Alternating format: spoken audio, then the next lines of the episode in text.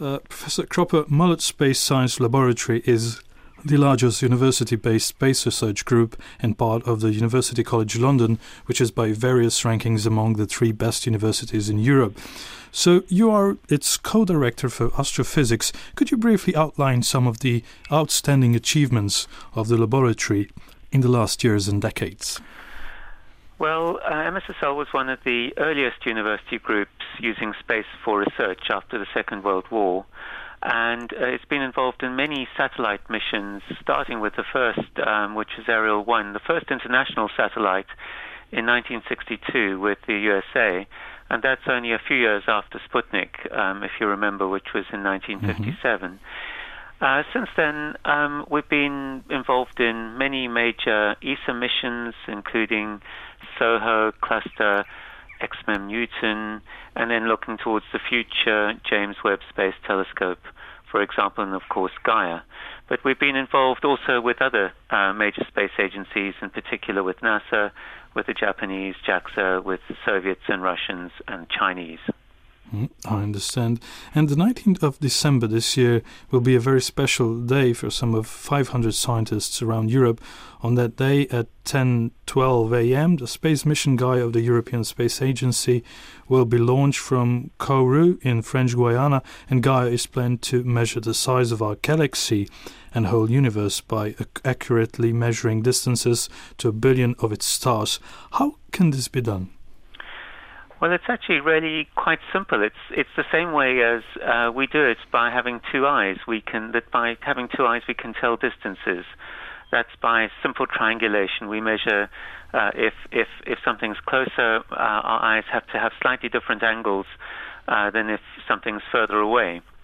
Now we don't have two Gaias, but every um, every year, of course, Gaia g- goes around the the sun and so six months apart, it's the other side of the sun. So that's like having eyes 300 million kilometers apart.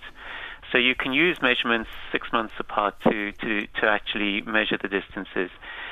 But even so, it's, it's actually very difficult to measure the uh, distances very accurately because the stars are very far away.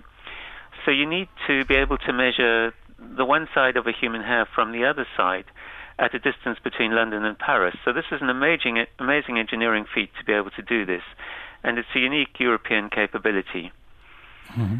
Uh, and then um, from from from measuring to a whole set of calibrating stars, if you like, and calibrating objects, um, then uh, you can use that in what's called a distance ladder to the more distant galaxies. So from that you can work from the sort of um, closer region of, of the universe to the more distant to the more distant galaxies, and Gaia will allow us to do that just so much more accurately than we've been able to do in the past. Mm-hmm. I see, and you have been co-leading the development of the radial velocity spectrometer, one of the key instruments aboard Gaia for over a decade. Why is it important to know how fast a star is approaching or receding from us? Okay, well, the radial velocity spectrometer is, as it says, the radial. It measures the radial velocity, so that's the velocity coming towards us or away from us uh, in the line of sight. Now, Gaia's main scientific task is to understand how the Milky Way galaxy was built up and how it's evolved.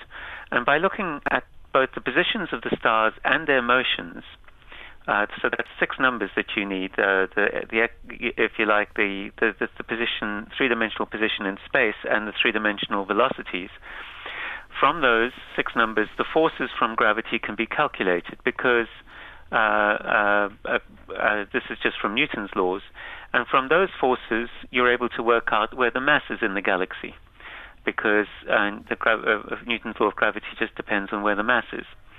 So the radial velocity spectrometer provides one of the, di- the three directions of motion, that one in the line of sight. So it's an essential ingredient in the information that Gaia provides. But it also provides um, astrophysical measurements of, of the stars. So this means things like the temperatures, whether they're giant stars or normal stars, and how old they are. So it's also possible to distinguish the different generations of stars. And that's also important in understanding how the galaxy evolved. So the spectrometer has these two major uh, reasons to be in the in the Gaia payload. Mm-hmm. So, Professor Cropper, in the past, you also made a number of important scientific contributions in the field of close binary stars, which may exchange mass and even emit X rays. Can Gaia open new horizons also in our understanding of such particular objects? Well, yes. Um, besides um, working on the galaxy as a whole, as it were, which is how, what I've been describing so far, Gaia will provide a huge amount of information on millions of different stars. And in particular, they're going to be these stars which erupt and become very bright, the sort of ones you mentioned. And these will be examined by professionals and amateur astronomers alike. And the sheer numbers and in fact, the sort of being able to get complete samples of these stars will be absolutely unprecedented. We've never had such a large uh, uh, survey of these objects. And these uh, eruptive objects are very uh, important laboratories to understand the physics of nature uh, under conditions, extreme conditions that can't be recreated on Earth. Mm-hmm. But it just says also that Gaia will find new planets around other stars, small planetary bodies in our solar system, beyond Neptune's, way beyond Pluto, in fact, and then asteroids which may be a danger to us, and so on. So there are many things that Gaia will do. I see. And one last question, Professor Cropper. You're leading the development of one of the largest optical cameras, which will be sent into space. At the end of the decade, it will be a part of the mission Euclid, and it will deliver images of similar detail as the Hubble Space Telescope, but with each image covering more than 100 times larger area of the sky. We are, of course, looking forward to new fantastic images of the universe with uh, uh, 576 megapixels each. But what will Euclid do for science? Ah, well, Euclid will tell us what makes up most of the universe, and that's dark energy and dark matter, which many people may have heard of. So something is making the uh, expansion of the universe accelerate. We know the universe, we knew that the universe was expanding from about 100 years ago, but now we've recently found out that it's that not only is it expanding, but that the that the rate of expansion is accelerating. It's increasing. And to and to do this, to to cause this acceleration takes a lot of energy, and we don't know what this is. So this is one of the main tasks of Euclid. Also, uh, most of the matter in the universe is something other than normal matter, and we don't know what that is either.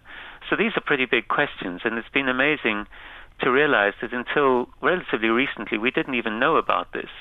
It's like we suddenly realized we'd not even known about most of the surface of the Earth beyond our local town or province, or even known that it existed.